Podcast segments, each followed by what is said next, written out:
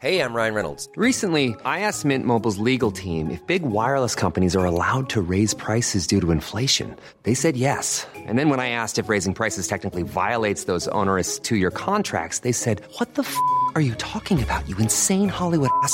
So to recap, we're cutting the price of Mint Unlimited from $30 a month to just $15 a month. Give it a try at mintmobile.com slash switch. $45 upfront for three months plus taxes and fees. Promo for new customers for limited time. Unlimited more than 40 gigabytes per month. Slows. Full terms at mintmobile.com.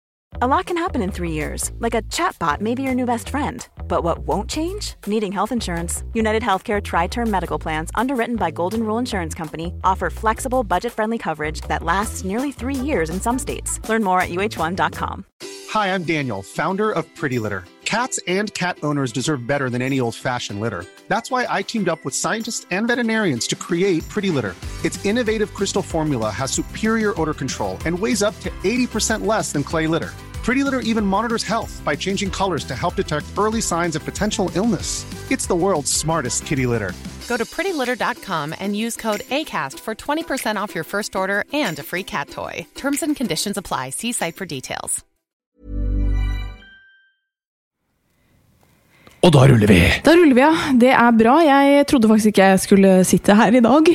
Oi. Ja, Fordi du har jo vært bort, bortreist eh, en, et døgn. Og da eh, var jeg inne hos Bernhard på natta fordi han eh, gråt litt. Og så idet jeg skulle lukke døren til mitt eget soverom, så hører jeg en lyd nedenfra som høres Altså, det var sånn ding, dong, ding. Altså, det var en meldingslyd. Og Ja. da tenkte jeg Tror du ikke han tyvradden som har brutt seg inn nede, har glemt å slå på lydløs? Ja, det kunne vært. Det kunne vært. Eh, men man blir veldig redd, og så blir man ikke logisk, så jeg var livredd. Eh, og turte selvfølgelig ikke å, gå- å gå ned. Eh, men vi har et genialt system nede som eh, gjør at vi har en sånn um, alarm du kan sette på fra soverommet, som ikke gjelder i andre etasje. Eller det må jeg ikke si, for da kommer jo tyvene i andre etasje. Den Ja. gjelder også i andre etasje. Den gjelder spesielt i andre etasje. Spesielt i vinduene i andre etasje. Nei da. Men eh, det viste seg jo at det var den forbanna robotstøvsugeren din som var tom for batteri. Ja, Det skjønte jeg dagen etter. Der kan du se. Den sier fra den. Men her er jeg, altså. Her er du. Ingen tjuvradder som har drept meg enn så lenge. Og hvis dere skal ta dere inn i huset, ikke gå i første etasje, heller andre etasje, fordi der er det også alarm. Ja. Og i første etasje er det en robotstøvsuger. Ja. Så hvis ikke du passer deg, så kan du gå opp i robotstøvsugeren. Mid middels god intro. Jeg liker sånne historier fra virkeligheten. Ja. Ja, ja, du gjør det. Ja. Og det var min eh, historie fra Ja, virkeligheten. i og da vi sier til deg tusen hjertelig takk. Vær så god.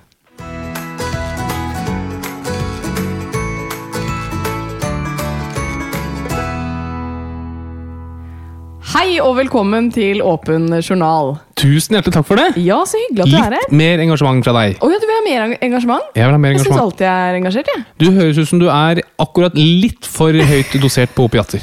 Ok, Det er jeg ikke. I dag så skal det jo handle om eh, seksuell helse, folkens. Så da først og fremst eh, Ja, men det skal ikke handle om Det skal handle om For det skal handle om seksuelle utfordringer. Ah. Ja. Men eh, det kan jo være ulike grunner til at folk eh, opplever litt sånn trøbbel med sex og samliv. Og det kan jo være alt fra manglende lyst til ereksjonsproblemer eller smerter ved samleie. Og det skal det handle om i dag, når temaet er seksuell helse. Og dagens gjest det er Emilie Skolmen, skuespiller og en gammel kjenning av deg. En absolutt gammel kjenning av meg. Ja, Dere har sp ikke spilt i revy sammen, men Hun spilte i min revy. ja, som Hvis det er lov å si? Ja, det er uh, faktisk lov å si. Ja, det er det. Fagga-revyen. Helt riktig. Fagga for life! Hadde dere et sånn uh... Eh, nei, jeg tror ikke vi hadde det. Ikke som jeg kan huske, i hvert fall. Nei, Men uh, Fagga, det var for life. Så du trengte ikke å si det. Nei. Jeg sa jeg gikk på Fagga, men jeg kunne liksom sagt jeg gikk på Fagga for life. Fagga er kort for Fagerborg. Ja. En skole på, i Som er byen i lagt Oslo. ned? Er gjort om til ungdomsskole. ja, ok. Heter den fortsatt Fagerborg? Det eh, husker jeg ikke. Nei. Hvis det er noen som går der, så kan dere begynne å si 'Fagga for life!' Og så eh, henvise til at det er jeg som har kommet opp med det. Eh, det kan dere gjøre. Det skal dere få helt gratis av oss. helt gratis. Eller ikke helt. Dere kan vippse meg på 95. Nei, nei, bare tulla. Skal vi kjøre videre, eller? Ja, er, er, Kommer vi til å oppleve samme nivå på humorfronten? Ja, faktisk. Ja, Da gleder jeg meg, Ja. og jeg syns vi kjører videre.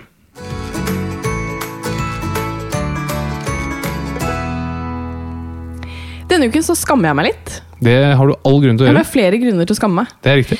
For jeg har da opplevd at uh, det ringte på døra hjemme, uh, og det ringte veldig sånn iherdig. Uh, de ringte så mange ganger, og da tenkte jeg hvem andre enn deg er det som gjør det? Uh, men du ringer jo heller ikke på. Så det, jeg klarte ikke å skjønne hvem som skulle gjøre det her. Åpner opp døra, der står det tre nydelige jentunger som er kanskje sånn åtte-ni år. Og de sier De har Har du panteflasker? De hadde dårlig tid. De har dårlig tid. Har du panteflasker? Eh, og så tenker jeg, ja, hva skal dere med de, da? Eh, kjøpe leker. Og for å være helt ærlig, så var de litt uhøflige. Ja. Var de? Ja, de var. Ja, okay. Eh, men så sa jeg ok, jeg skal se hva jeg finner. Og så eh, ber jeg de komme til liksom, kjøkkendøra vår, hvor eh, vi har panteflaskene. Og så lukker jeg opp der. Og da ser jo de alle panteflaskene. ikke sant? Så de sier sånn Oi, du har mange! Og så sier jeg ja. Og så begynner jeg å gi, og så ser jeg bare at jeg gir sånn tonic på tonic på tonic. Um, og så så ut som vi hadde drukket mye tonic. Ja. Det, det hadde vi vel. Ja, vi hadde det, men greia er at du og jeg drikker jo aldri brus, så vi har liksom ikke noe tomflaske på det. Og så har vi i helgene så tar vi oss en gin and tonic. Ikke sant? Det har, En. har hendt. Ja, Vi tar én på fredag og én på lørdag. Men eh, jeg følte meg altså så skamfull eh, at jeg til slutt sa sånn Da var det tomt! Og så sier de sånn Nei, du har jo mange fler! Og så tenkte jeg hvis de kommer hjem til moren og faren sin, og så sier de du i det huset der, vet du Der bor det en alkoholiker. ja, Eller der, to. Ja, der bor det to. Så måtte jeg jo gi resten, da. Altså, du ga alle! Ja, for de var jo så frekke, de ungene. Men tenk, de har jo fått kjøpt leker for flere tusen kroner pga. ditt alkoholkonsum. Nei, det var ikke så mye. Men det var nok eh, det at det var lite variasjon som gjorde at jeg skammet meg. Mm. Ja. Har du noe artig å fortelle? Eh, Jeg har vært i Danmark en tur. Ja, hvordan var det? København. Du, det var fantastisk. Det som er veldig interessant med Danmark, det er at de har opphevet alle koronarestriksjoner. Ja. De har bare sagt at eh, dette er kommet for å bli. Alle som eh, vil vaksineres, har fått tilbud om vaksine. De gidder ikke å teste. Ingen regler. Helt utrolig. Ja. Det var veldig sånn frigjørende. Det var som å komme til et annet land. Det ja, men det Føltes det ikke litt uh, utrygt?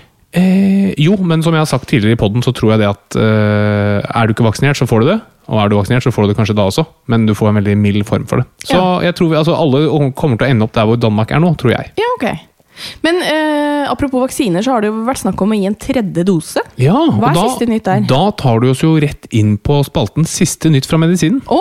Ja. Er det en spalte? Det er en spalte. Den kommer med sånn sporadiske Nei, den har vært ganske konsekvent de siste tre podkastene Jeg har ikke fulgt med. jeg. Nei, det har du åpenbart ikke gjort. Men okay. ja, når man, man har sett på det, er det noe vits å gi tredje dose vaksiner Mhm. Til den generelle befolkningen? Og svaret på det er nei. Mm. For man har jo sett det at effekten av vaksinen den går dessverre litt nedover mm. etter hvert som tiden går. Men heldigvis så er beskyttelse mot alvorlig sykdom og død den er heldigvis veldig høy. Ja. Så det er særlig beskyttelse mot mild sykdom som går ned. da. Okay. Og da vil det ikke svare seg å gi en tredje dose til alle sammen. Nei, men du sier alle sammen. Det er noen som får det? Ja, Så det er noen mennesker som får litt for lite immunrespons av de to første dosene. Mm. Og Nå snakker jeg som om alle har fått to doser. Noen har jo bare fått én vaksine, men det er de færreste. Ja. Som, eh, bare, altså, som skal ha en vaksine som du kun trenger én dose av. De fleste av oss har fått Pfizer eller Moderna, som krever to doser. Noen har fått AstraZeneca og Pfizer eller Moderna. Okay. Men eh, de som har for eksempel nedsatt immunforsvar, og det kan være fordi de er alvorlig syke, eller går på medisiner, eller er eh, fryktelig gamle, de kan ha nytte av en tredje dose. Og okay. det tester man ut nå. Men for f.eks. deg og meg, som er i utgangspunktet relativt friske og raske, trenger ikke en tredje dose. Det er jo på en måte godt nytt, men uh, tror du at vi neste år må vaksineres igjen? Uh, ja, det tror jeg. Ja, At det blir en årlig vaksine? Uh, ja, Ja. det tror jeg. ja. Det blir som influensa. Det gjør nok det. Og nå ser man jo på vaksiner som beskytter Altså du, du kombinerer det i én vaksine mot både influensa og korona. Oh, ja. Ja. Da er jeg veldig klar for lyden av Katarina denne uka. Da var du klar for lyden av Katarina? Jeg er veldig klar for lyden av Det Katarina. skjønner jeg veldig godt. Og vi er jo nå kommet til eh, midten, holdt jeg på å si, slutten av september.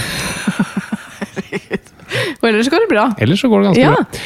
Og da, da er det ting som eh, nærmer seg med stormskritt. Og da er lyden av Katarina i dag, det er denne her.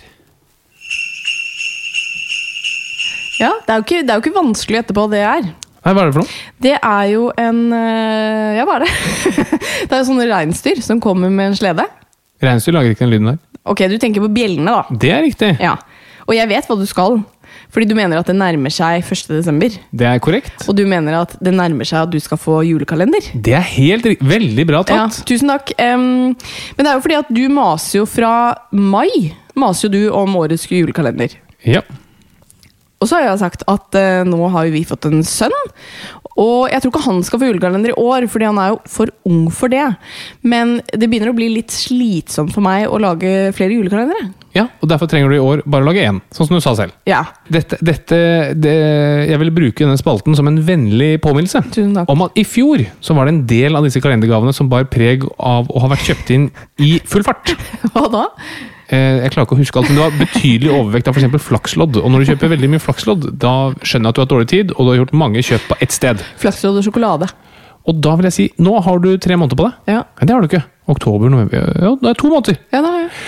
Og da har du tid til å gjøre deg litt flid med dette her. Ja. Kan du gi et eksempel på noe du hadde blitt veldig fornøyd med? En times massasje Av meg? av deg. Ja, det får du ikke. PlayStation 5. Eh, Kommer vi til å gi folk julestemning i år gjennom podden? Vi må ha en eller annen spalte som er eh, veldig julete. Ja, det må vi. Ble du veldig tett i nesa Ja, akkurat nå? jeg ble akutt tett. Ja, jeg hørte det. Eh, det syns jeg absolutt. Vi kan ha diverse former for julespalter. Ja. Jeg har noe i, i tankene. Jeg vil bare si stay tuned. Oi. Jeg Gleder gleder meg. meg. Og gleder meg veldig til eh, årets kalender. Yay!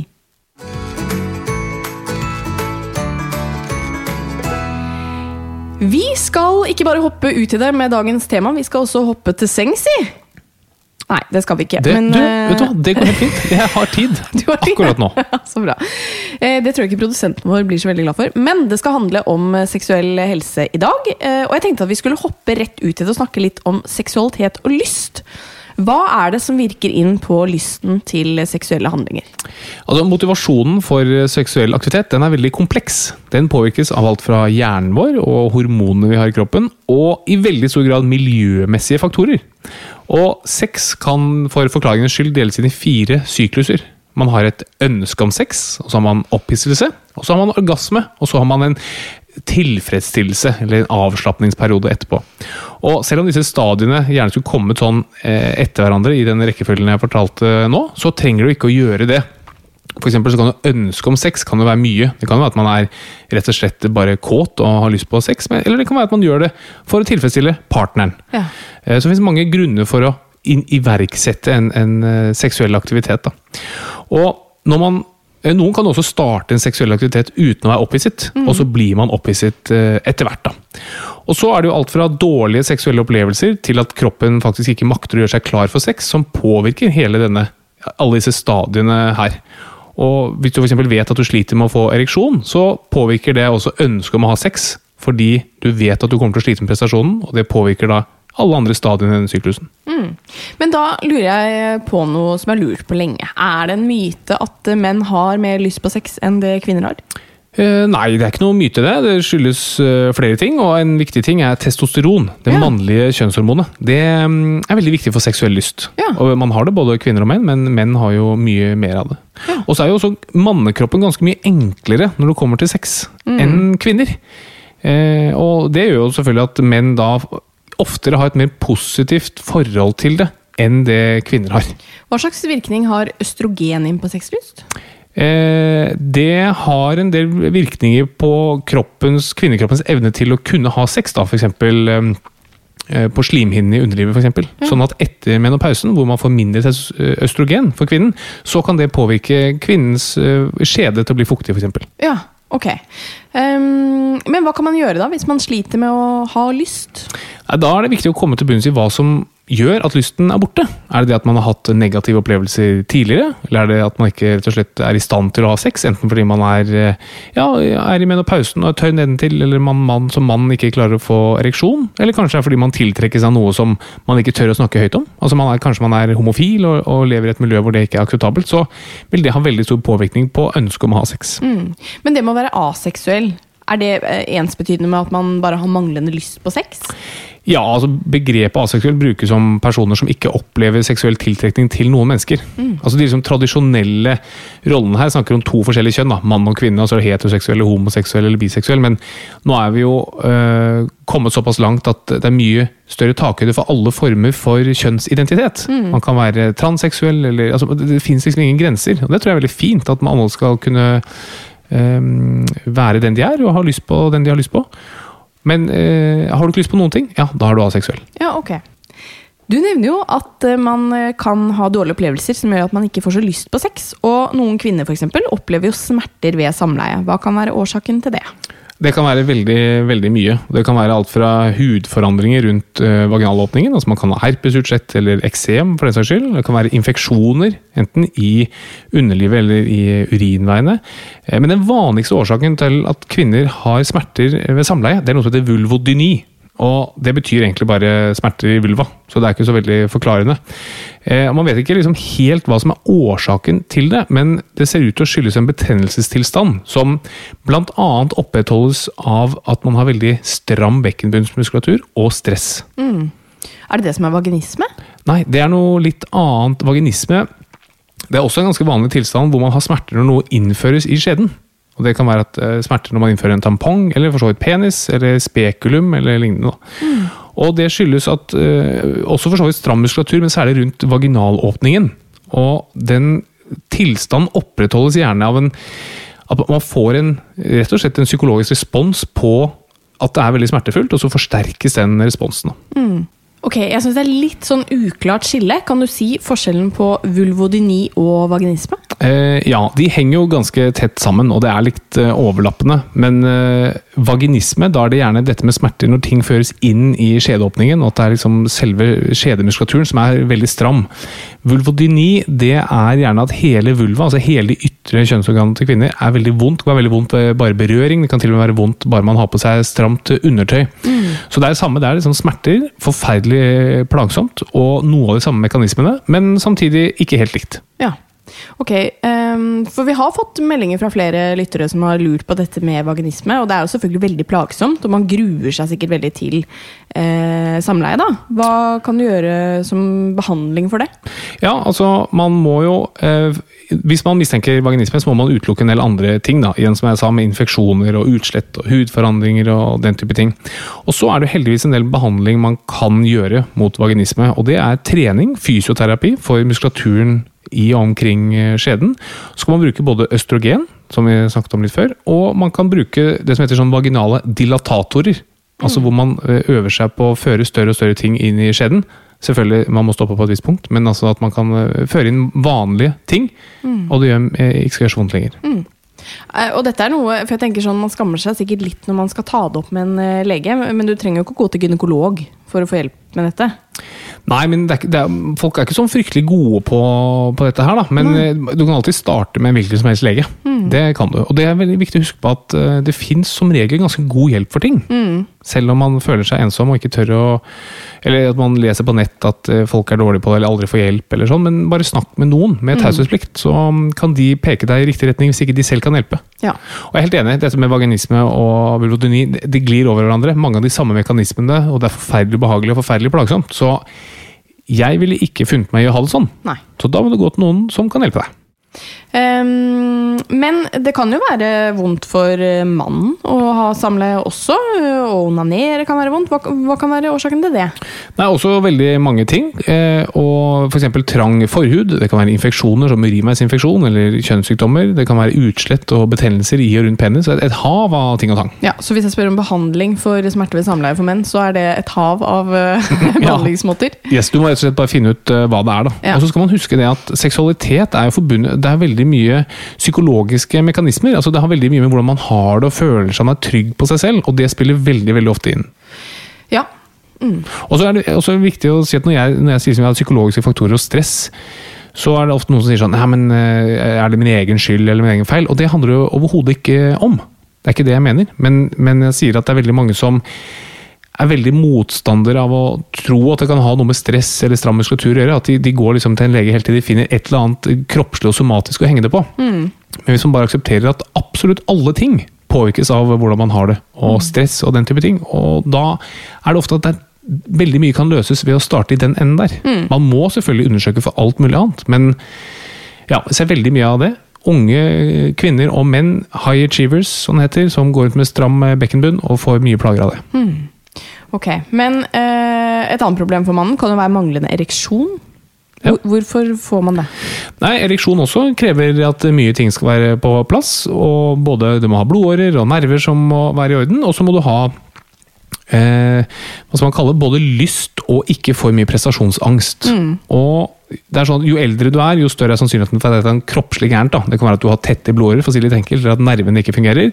Men veldig ofte så skyldes det mm, prestasjonsangst. da. At man eh, enten har hatt én dårlig opplevelse med at man ikke har fått den opp, og så kan det forsterke seg, for du gruer deg litt til neste gang. Og når man går og gruer seg og ikke slapper ordentlig av, så er det vanskeligere å få det, og så blir det en negativ spiral. Hva tenker du om å bruke Viagra for det, da? Nei, jeg tror det er helt topp. Ja. Det er helt supert, eh, og det anbefaler jeg ofte. Ja. Og så vil noen si ja, men dette var veldig enkelt, og du må gå og behandle problemene i bånn. Det skal man selvfølgelig alltid gjøre. Man skal alltid utrede pasienter for å finne ut av hva er det noe underliggende her. Men parallelt så kan du gi eh, ereksjonsfremmende legemidler. For det gjør ikke noe. Du taper ikke noe på det. Og til man kanskje kommer ut av den onde siden? Akkurat, så Derfor har jeg ganske lav terskel for for å si til også unge folk at de skal ta det. Og så Man kan godt si ja, men er det ikke bedre å gå til en terapeut eller sånn. Jeg syns nei. Prøv. Noen ganger så kommer de seg ut av det. Én runde med f.eks. Viagra, Ja. så får de fungerer ereksjonen, så får de selvtilliten opp igjen, og så er det ikke noe problem lenger. Ja. Så det handler ikke om å bagatellisere, men den der holdningen om at ingenting skal medikaliseres og dette er naturlig og skal gå over, nei, den er ikke jeg noe glad i. Nei. Men noe ikke en pille kan gjøre, er jo å få noen til å få en orgasme. Tror jeg, i hvert fall. Ja. Fins det? Eh, nei, det er ikke som jeg har hørt om. Da blir du rik hvis du finner opp det. Eh, Men orgasmeproblemer kan jo ramme både kvinner og menn. Eh, Hva er grunnen til det? Nei, også her er liksom dette med prestasjon og prestasjonsangst egentlig den vanligste årsaken til at man ikke klarer å få det. Det krever ganske mye for å få til en orgasme. Ja. Å kunne slappe av, man må føle seg at man er seksuelt tiltrukket av den eller det man, man driver og har sex med. Man må kunne oppleve nytelse under sex. Det er jo veldig, veldig viktige ting, da. Det fins også sykdommer som gjør at det er vanskelig. Nerveskader og sånn, men det er mye mindre vanlig. Ja. Så tror jeg nok at um, det er nok et visst Det er et amerikansk begrep som heter the pleasure gap. Altså Det er et visst forskjell i hvordan menn og kvinner nyter sex og har sex. Som nok uh, fungerer veldig i menns favør. Menn er jo enklere, ikke sant. Det er liksom eh, få ereksjon, ha sex i kort tid, ferdig. Men så kvinner mer komplekst. Og så er det nok noe i kulturen og dynamikken som gjør at kvinner har kommet tapende ut av det hele tiden. Og det forsterker nok eh, en del av problemene, og så blir det vanskelig å få det til neste gang. Hør- Nå hørtes du rørt ut i stemmen. Er litt rørt. På vegne av kvinner. Eh, ja. Nei, men jeg synes Det er jo veldig dumt, da. Hva tenker du om sexleketøya som eh, doktor eh, Dobla her? Nei, Jeg tror jeg er helt konge. Det er Kjempebra. Jeg har sett at eh, sexleketøysalget har gått i været Under covid, ja? under covid. Ja. og det syns jeg er fantastisk. Fordi veldig mye handler om det, særlig for kvinner, å gjøre seg kjent med egen seksualitet. Hva er det som fungerer, hva er det som ikke fungerer? Og tørre å si det, og ta litt kontroll. Og det tror jeg også kulturelt kvinner har tatt på. At de har vært litt mer underdanige. At det er som bare, å, mannen bare få den opp, gjøre jobben og så stikke av. Men der må man være flinkere. Sånn, Stopp en hal! Dette er det jeg trenger. Dette er det du må gjøre. Og så kan vi behandle deg etterpå. Men hvis vi tenker oss da at øh, man sliter med noe relatert til sex, enten smerter eller øh, noe relatert til orgasme eller lyst, eller hva det måtte være. Eh, og så kvier man seg for å ta det opp med noen. Hva ville du gjort? Hvem ville du gått til? Jeg ville gått hos min lege. Altså den legen du har, og som du stoler på. Ja. Og husk at alle leger, og for så vidt annet helsepersonell, har taushetsplikt. De får ikke lov å si noe til noen. Med mindre du skal sprenge deg selv i lufta eller ta livet av noen. Da må du si fra. Ellers så har de ikke lov å si noe til noen. Så det er, det er fantastisk eh, strengt. Og som gjør at du ikke trenger å være flau for noen ting. Og leger og helsepersonell, vi har hørt og sett alt før. Så det er ingenting du trenger å være flau over. Og så skal du aldri være redd for å gå til noen du ikke tror er flinke nok, fordi de kan peke deg i riktig retning. Nei. Ikke sant? Ja. Så hvis du er redd for at nei, jeg vil ikke gå til den legen fordi han eller hun er sikkert ikke god nok på det, ja, Mm. men da vil han eller hun sannsynligvis henvise deg til noen som er veldig gode på det. Mm. Og dette med sex og seksualitet er jo ekstremt viktig Ja, for folk. Og derfor så ville ikke jeg akseptert å ha noen problemer innenfor dette her, uten å søke hjelp om det. Og så Jeg skjønner at det er tabubelagt og vanskelig, men vi har et system i Norge som er så godt rigget Mm. at vi kan håndtere det. Kan håndtere absolutt alt. Og godt er det. Og godt noen du stoler på. Ja. Og så, et viktig mantra jeg har, du må stole på legen din, og også akseptere svaret han eller hun gir, selv om du er uenig. Det, det er blitt veldig dumt i dagens eh, Norge, syns jeg. Det er blitt altfor lett å gå til en ny lege, og det, det er det ingen som har noe godt av. Fordi du kan shoppe rundt til du finner noen som er enig med deg, og Ja. det tror jeg ikke man har noe godt av. Men dette ligger jo faktisk hos pasientene, syns jeg. da. Altså Litt ansvar for å bestemme seg for at eh, jeg skal stole på det legen sier. Ja, jeg, jeg er litt uenig i det. Jeg tror at pasientene er desperate. ikke sant? Og hvis du kommer til, Si at du har vaginisme, da, og så går du til fastlegen din og sier ja, men du må bare slappe av i bekkenmuskulaturen din, ha det bra. Så går du aldri dit igjen. Nei. Eh, sånn at og da hvis du vet at det er en lege på hjørnet eller en lege på video du kan snakke med, så shopper man rundt. Det har jeg all forståelse for. Ja, jeg, jeg skjønner det når du sier det. Men da tror jeg det er veldig mye bedre, eh, og det sier jeg til mine pasienter, bare bestill en time hos legen din annenhver uke. Helt til du blir kvitt problemet. Og så tør du være ærlig. Ja. Så liksom, «Ja, jeg har vag- Du har vaginisme, slapp av i bekkenmuskulaturen. Det holder ikke for meg. Hva betyr det? Det, det? Dette må du komme til bunns i. Jeg, kommer til å ha om to uker. Da forventer jeg at du har lest deg litt opp på dette her, og kan fortelle meg nøyaktig hva jeg skal gjøre. Eller kan henvise meg til neste person. Da, da snakker vi. Ja. Eh, Det er tøft å være legen din, tror jeg. Legen min? Ja. Eh, eh, ja. Det tror jeg. Nei, men Det var gode tips. eh, at man ikke skal eh, finne seg i å ikke bli tatt på alvor, da. Ja, det er, det er veldig viktig. For det er veldig mange og nå som det blir så lett å bare gå til en annen lege, eller noe sånt, så opprettholder man problemet. Og veldig veldig mange ting av det man tar opp med legen sin, skyldes noe annet enn det man selv tror. Ja. Og det er leger som kjenner deg ganske gode på å gjennomskue. Men hvis du hele tiden bytter til en som er enig, så får du ikke gjennomskuet det. Da sier vi at vi har eh, svart på det vi rekker rundt seksuell eh, helse. Og så er selvfølgelig dette temaet veldig mye større. Men vi har jo hatt en eh, episode om kjønnssykdommer, f.eks., så den kan dere sjekke ut hvis dere bare rett og slett ikke får nok av seksuell helse.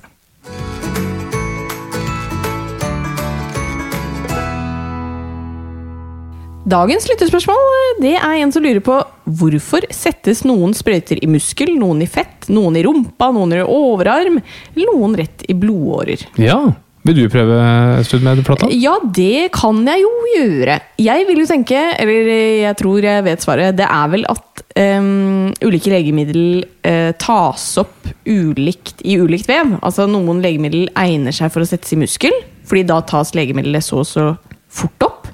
eh, mens andre uh, tas opp saktere. Ja. Er jeg inne på noe? Ja, du er absolutt inne på noe. Altså, Det kommer særlig an på to ting. da. Det ene er hvor fort det skal virke, og det andre er liksom hvor lett er det å treffe riktig. For det er ikke alltid det er lett å treffe bare en muskel eller bare fett eller bare i blodåren. da. Så hvis du skal ha noe som skal virke veldig veldig fort, da setter du det i en blodåre. Eh, det nest raskeste det er å sette i muskel, da tar kroppen det ganske fort opp. Og det treigeste er å sette det i fett, altså i underhuden. Ja. Eh, men det er mye lettere å treffe en muskel enn fett. Så derfor så setter man det oftere i, eh, i muskler enn fett. da. For en vaksine setter du en muskel, Ja. eh, og det trenger ikke å virke veldig raskt, men det har med å gjøre at det er mye lettere å treffe muskler enn fett. Ja. Kortisonsprøyte, eksempel, det setter man i muskler. Ja. For hvis du setter i fett, så får du det som heter fettvevsatrofi. Hvis du har fått en kortisonsprøyte i Mm. Rumpa av legen, og så Ja. får du et søkk der etterpå, da er det fordi legen har bomma. Kommer det tilbake igjen? Nei, Nei, det gjør ikke det. det gjør ikke det. Eh, Så det er litt synd, selvfølgelig. Ja. Men da fikk jo både du og jeg svart på spørsmålet. Ja, og da er det vel en som bare vil forte seg hjem eh, og få testa ut det hun nå har lært om seksualhelse? Ja, først skal jeg ha en gjesten. Ok, først gjesten, da.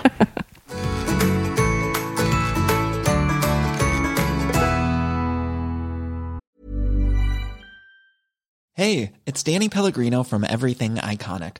Ready to upgrade your style game without blowing your budget? Check out Quince. They've got all the good stuff shirts and polos, activewear, and fine leather goods, all at 50 to 80% less than other high end brands. And the best part? They're all about safe, ethical, and responsible manufacturing. Get that luxury vibe without the luxury price tag. Hit up quince.com slash upgrade for free shipping and 365 day returns on your next order. That's quince.com slash upgrade. Hey there, it's Michelle Norris. I'm host of a podcast called Your Mama's Kitchen. When I travel, I'm usually looking for a way to find a taste of home when I'm not at home. And one of the things I love to do when I am at home is entertain. And Airbnb allows me to do that. When I was in California recently, I rented a house that had a great kitchen. And when we were sitting around the table, we're all thinking, we're in someone else's house. Someone could be in all of our homes as well. If you have a home, but you're not always at home, you have an Airbnb. Your home might be worth more than you think. Find out how much at airbnb.com/slash host. One size fits all seemed like a good idea for clothes Nice dress. Uh, it's a it's a t-shirt. until you tried it on. Same goes for your healthcare. That's why United Healthcare offers a variety of flexible, budget friendly coverage for medical, vision, dental, and more. So, whether you're between jobs, coming off a parent's plan, or even missed open enrollment, you can find the plan that fits you best. Find out more about United Healthcare coverage at uh1.com. That's uh1.com.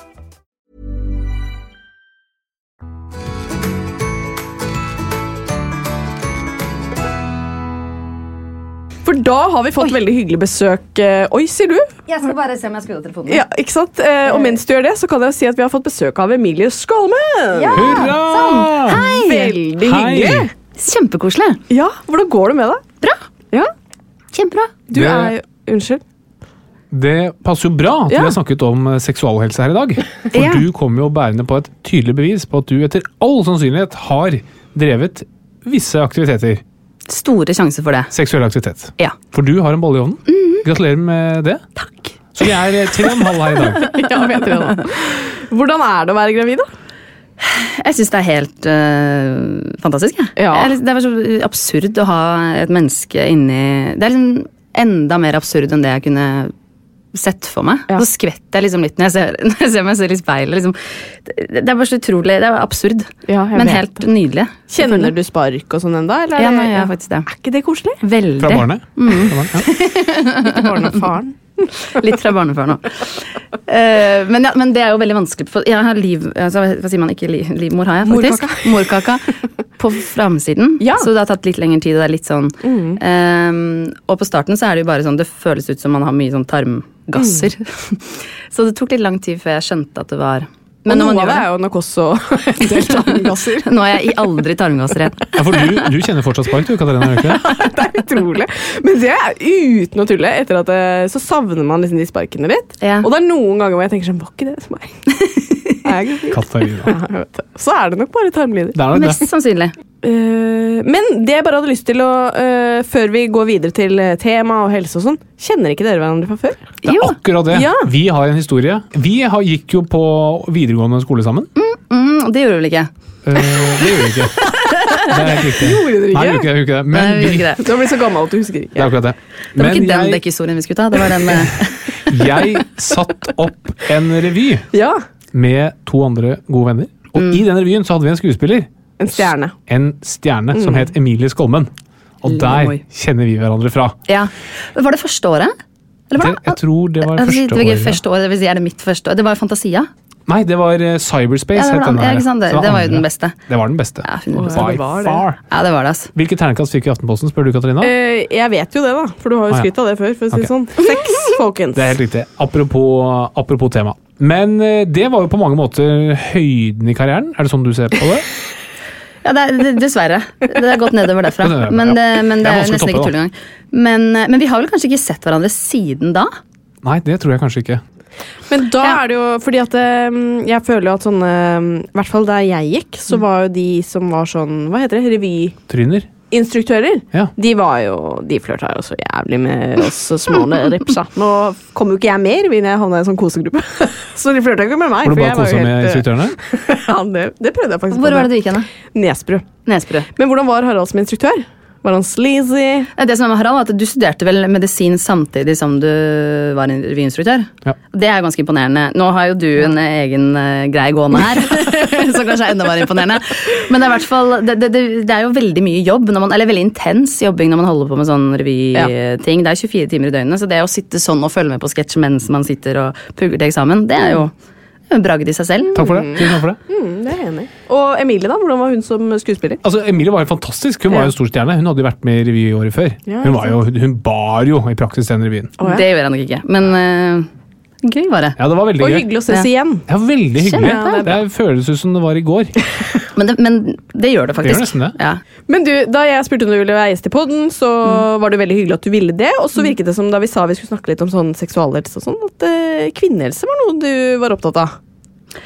Ja, jeg kjente jeg liksom engasjerer meg litt i det, fordi jeg har blitt møtt selv med veldig lite kunnskap om det. Blitt satt på veldig mye sånne rare kurer og ting og tang fordi ingen vet hva det er jeg sliter med. Ja. Og Det, og, og det, det er altså Dette er jo et veldig stort tema, da, men, øh, men ja, jeg kjente meg sånn frustrert over det. At Men man vet så lite om det. Kan du fortelle litt om dine erfaringer? Nei, Det er en sånn klassisk sånn endometrioseting, for eksempel. Og um, jeg jeg, hvor, skal, hvor skal jeg starte? Altså, jeg fikk puttet inn en spiral uh, med noen bakterier i, som gjorde at jeg fikk noe betennelse, eller et eller annet sånt her, men det var ingen som fant ut av det. Så jeg måtte begynne å gå til Aleris, bare for å få noen som var litt mer liksom rettet. Ja. Mens der ble jeg bare satt på Jeg tror jeg gikk på syv antibiotikakurer uten at noen fant ut av at det kanskje var noe annet man skulle se etter. Og de tok den ikke ut? De tok den ikke ut. Og så tok de den ut og puttet de bare rett inn en annen spiral. I for å, ja. Så eh, etter hvert ble jeg sendt til Ullevål for å for utredning da, av endometriose. Men da ble jeg møtt av en, en mannlig eh, lege som bare som ikke trodde på meg. Så da dro jeg hjem igjen der uten å Altså Han sa jeg kan godt gjøre det, men, og, den, og da hadde ikke jeg lyst til å Da, da turte jeg jo ikke Nei, det. nei, nei. Så da dro jeg hjem, så fant jeg aldri ut av det, men har slitt veldig mye med veldig mye vondt. Eh, og liksom, ja, listen er egentlig lang Ja, ja. På, på, på ting. Men eh, jeg syns det er veldig frustrerende at ikke man vet mer.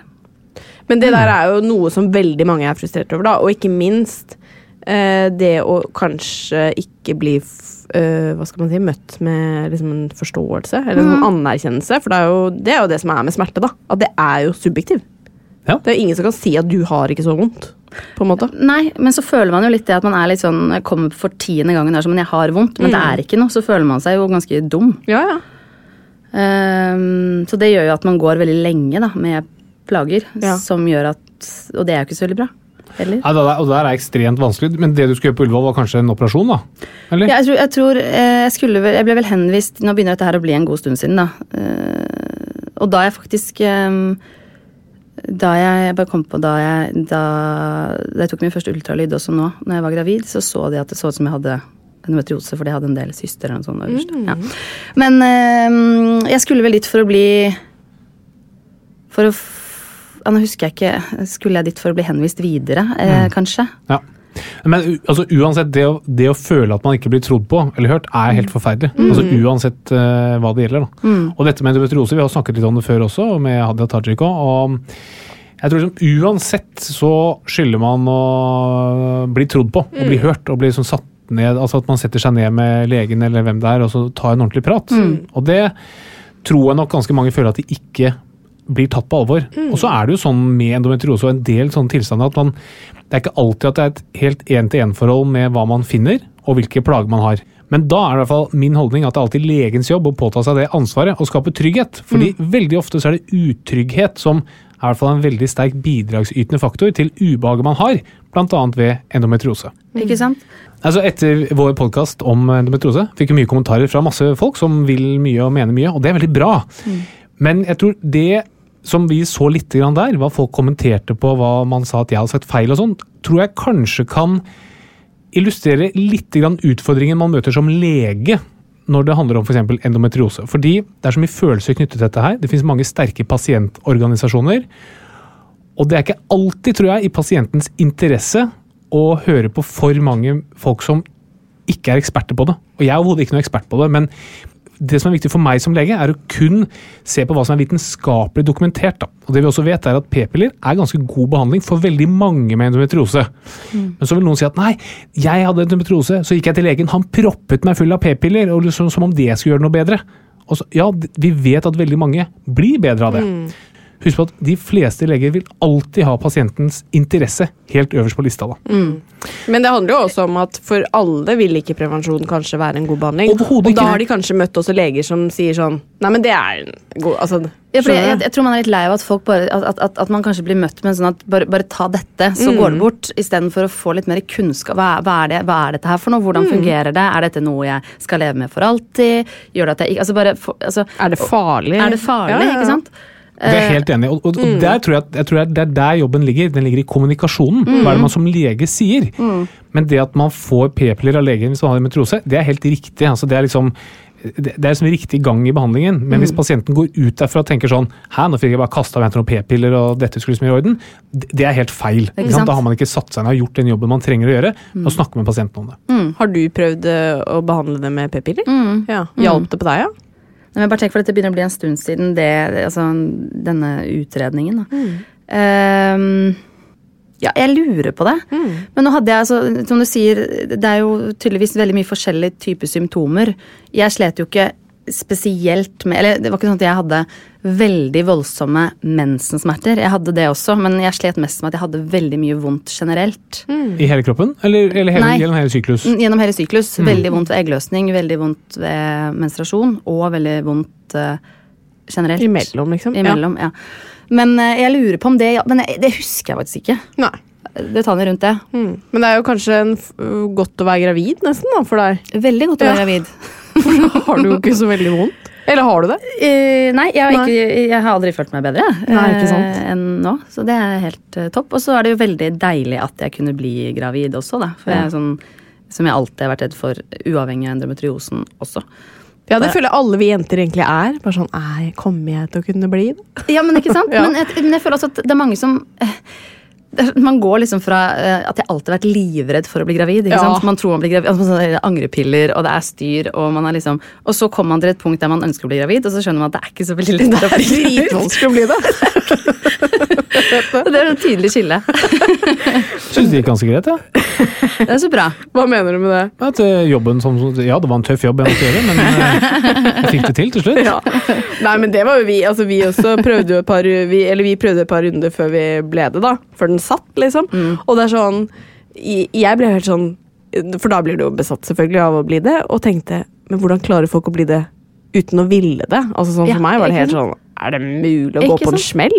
Men det Når føles ut som at det er de som blir Altså Ja, de som ikke vil bli, de blir jo Ja. gravide. Og jeg føler vi ble det jo når vi dro på ferie og slappet av og Ikke ikke, var sånn veldig besatt av å prøve å bli det òg. Vel, vel. Vel, vel, vel. Ja, ja. Det var jo en liten Det ble, det ble lagt inn en, en god innsats, ja.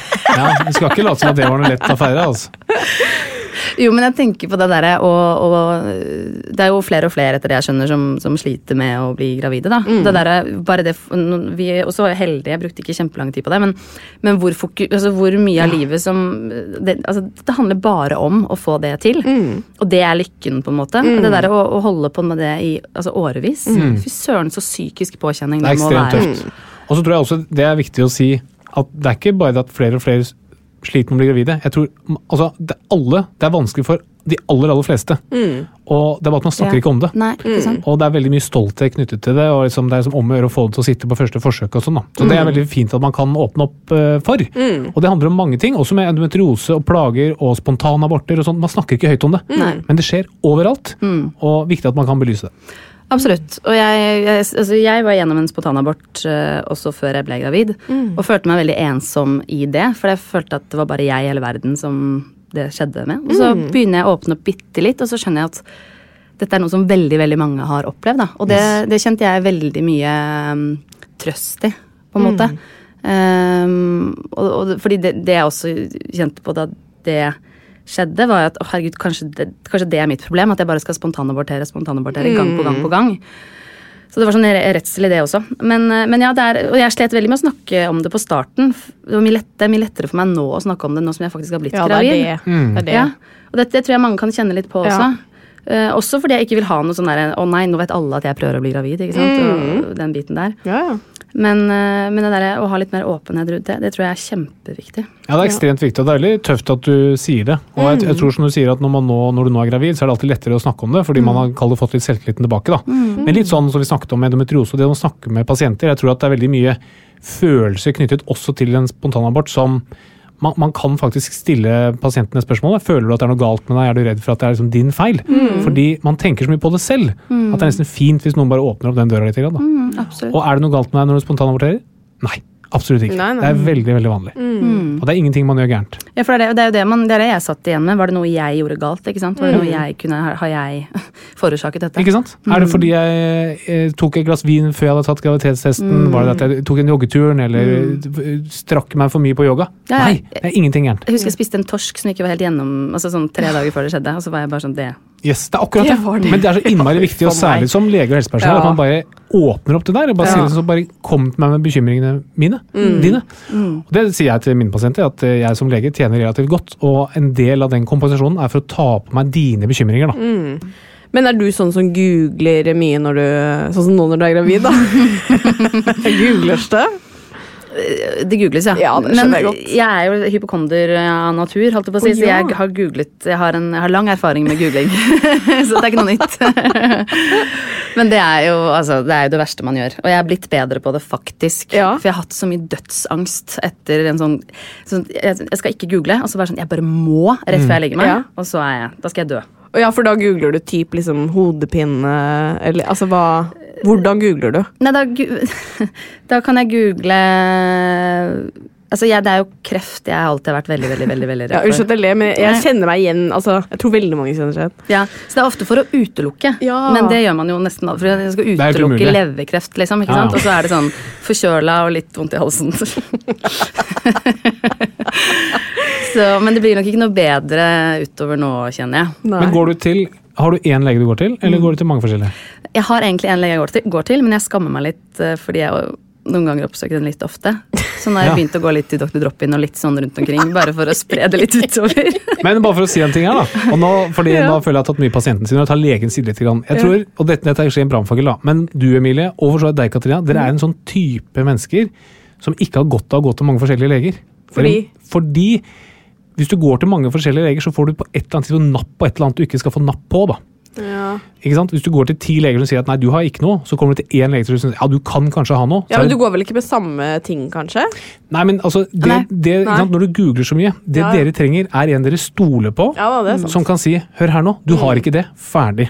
For Hvis du går til legen 'hei, jeg lurer på om jeg har leverkreft', det, det er liksom umulig å utelukke. da. Så hvis du går til mange nok leger, som gjør mange nok undersøkelser, så kan man garantert finne tegn hos deg på at du har leverkreft. Ja, okay. Det, det finner man. Ja. Så det du trenger, er en som bare sier sånn 'Emilie, du, fint, hei, takk for sist. Det er, nå har det gått et par dager siden. Hyggelig å få deg inn her. Hva er du redd for i dag? Leverkreft. Aha, interessant. Jo, men Og så sier det, du har ikke leverkreft, og så stoler du på det. Men det gjør man jo ikke, fordi da tenker jeg bare hun tror at jeg kommer hele tiden, og hun tar det ikke på alvor. Ja, som jeg jo kan det. forstå. Ikke sant? Det er derfor. Jeg, jeg, vil jo, jeg, jeg vil jo gjerne til en som tror at jeg er sånn som aldri går til legen, og Mm. nå går jeg til legen. Ja, men Det er akkurat det du ikke trenger! Det er det som opprettholder plagene dine. Fordi når du kommer inn til en ny lege, så må den nye legen alt, altså Vi leger tenker worst case. Det er vår jobb, da. Ja. Så det at du har vært hos legen fire ganger på en måned, det er, veldig, det er veldig viktig for legen å vite. Jo, men plutselig, plutselig den ene dagen Nei. så var det Det leverkreft. Det jeg feil. tenker. Det er ikke Det, det, det, det gang. Nå er det, men nå er det. Ja, men Jeg vet at det er det dere tenker. Og det er akkurat derfor jeg sier at dere to for, burde, burde hatt forbud mot å gå til andre Jeg enn én en enkelt lenger lege. Ja, men det, det er sånn samme type mennesker. Dere er hardtarbeidende, veldig høyt presterende jenter. Det var det vi gjorde. Som er- ja, det var det som er- Det. Perfeksjonister. kjenner meg igjen. Og dere har ikke godt av å gå til forskjellige leger. Nei, jeg, jeg vet ikke med det. Vi får se. Ja, jeg tror ikke det gikk hjem hos noen av oss, egentlig. Nei da, men eh, jeg bare sier hva som ville gjort dere bra. Ja. Om Ja, dere er hører på det eller ikke, det er opp til dere. Var jeg veldig streng nå? Ja, litt. Ja, beklager det. Men det er Men eh, man har sikkert godt av det. Ja da. Ja, vi får se. Men hva, hva er det du gjør som er bra for helsa di, da? Har du noen gode, gode helsevaner? Litt sånn uh, av og på. Ja. Altså sånn hva jeg Men jeg, jeg Skal jeg fortelle helsevanene mine? Ja. Jeg er ikke så veldig flink til å trene, men jeg går til absolutt alt. Jeg har aldri busskort eller sånne ting. Jeg eller, bruker nesten aldri bil. Gikk du Går- hit i dag? Ja. Nå bor jeg 300 meter nede. Okay. Men, Det får du ikke noe kred for. men, men det er egentlig bare fordi jeg elsker å gå, da. Jeg synes det er helt eh, Og så bor man i byen, og så kan man gå til alt. Ja. Så jeg går. Spiser relativt uh, sunt. Ja. Men spiser veldig Men dette, nå kan jeg bruke dere som For jeg spiser veldig mye godteri. Altså smågodt. Oh, ja. Er det liksom Er det farlig Altså, hvor farlig er det? Er det noen E-stoffer her? Vi er på Nei, nei. nei. men, altså, ja.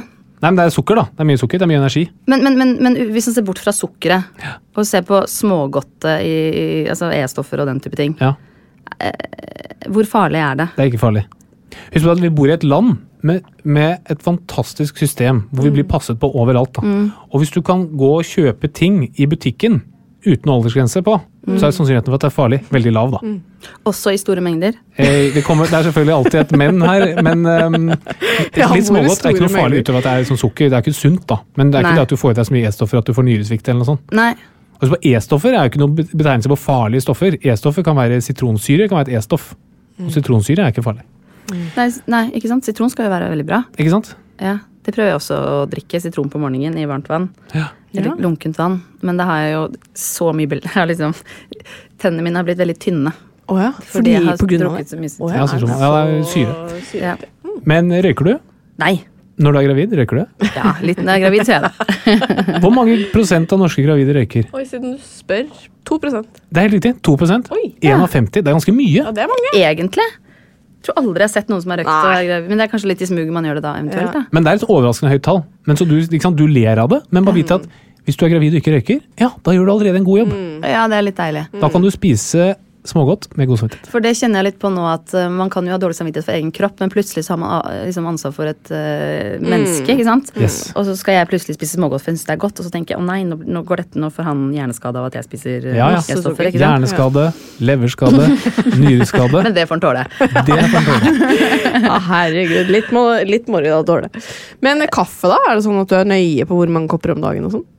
Eh, vet du hva, uh, jeg har ikke lyst på noe mer enn to kopper kaffe Nei, om dagen. Og på starten hadde jeg ikke lyst på kaffe i det hele tatt. Nei. Så jeg koser meg med liksom den ene eller de to om dagen. Ja. Det er greit, det. Det er greit. Ja, ja, det er helt greit. Og det er ikke hver dag engang. Én til tre kopper man anbefaler, er det ikke det? Ja, jeg tror maks tre. Men altså, man er veldig forsiktig når det gjelder gravide, Altså man setter veldig lave grenser. Ja, det tenker jeg eh, for så vidt fint. I, I starten er det jo så vanskelig med alle disse tingene man ikke skal få i seg, og sånn, så blir man jo vant til det på en eller annen måte. Ja. Eh, men, eh, men kaffe drikker jeg litt av nå. Det syns jeg var så deilig å få tilbake. Jeg hadde liksom, på starten så hadde jeg ikke lyst på det i det hele tatt. Det var sånn nesten fire måneder jeg ikke hadde lyst på det. Og når vi var liksom på ferie og sånn, og ikke kunne drikke alkohol og ikke kunne drikke kaffe det, er, det er ikke så mye kos igjen. Da. Nei, jeg vet det. Syns det er veldig deilig å ha tilbake den Mm. kosen. Ja.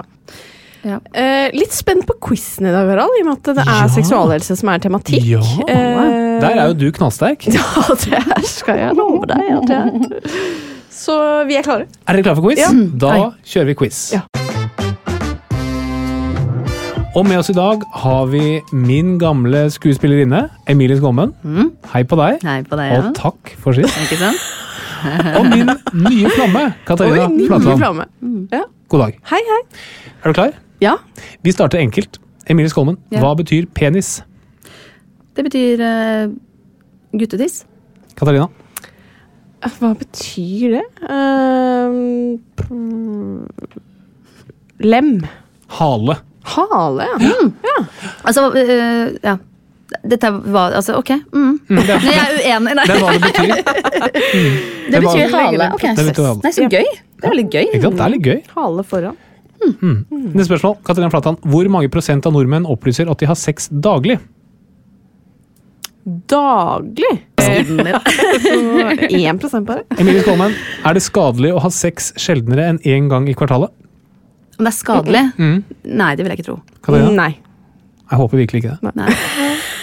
Neste spørsmål. Katarina, hvor mange prosent av nordmenn opplyser at de aldri har sex? Åh. Mm. Og det er sikkert mange flere, da. Altså 10% Emilie? Er det da aldri hatt sex? Nei, aldri har. Så de, de har nok hatt det, men liksom okay. sånn, Man har det ikke. sannsynligvis altså sjeldnere enn en gang hvert annet år, nesten. da. Ikke sant? Hvor mye sa du? Ti? Var det litt mye? Det er jo mye sånn eh, incels og ting eh, gående for tiden, da. Ja. Nei, jeg tror Ja, jeg kjenner at du tar samme. Eh, 12 15 Oi! Bra, Emilie! To poeng til Emilie!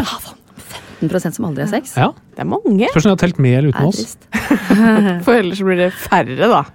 Emilie Skolmen, hvor mange nordmenn oppgir at de ønsker sex én eller flere ganger i uken? tror jeg er ganske mange. Eh, hvor mange prosent? Ja. 40 prosent. Katarina? 30. 60 Wow! Det var mange! Ja, Emilie var nærmest igjen. 3-0. Herregud, folk er jo sultne Folk er på. Utklassing! Ja, det var mye. Ja. Det er jeg enig i. 60% Det er utrolig. Én eller to ganger i uken.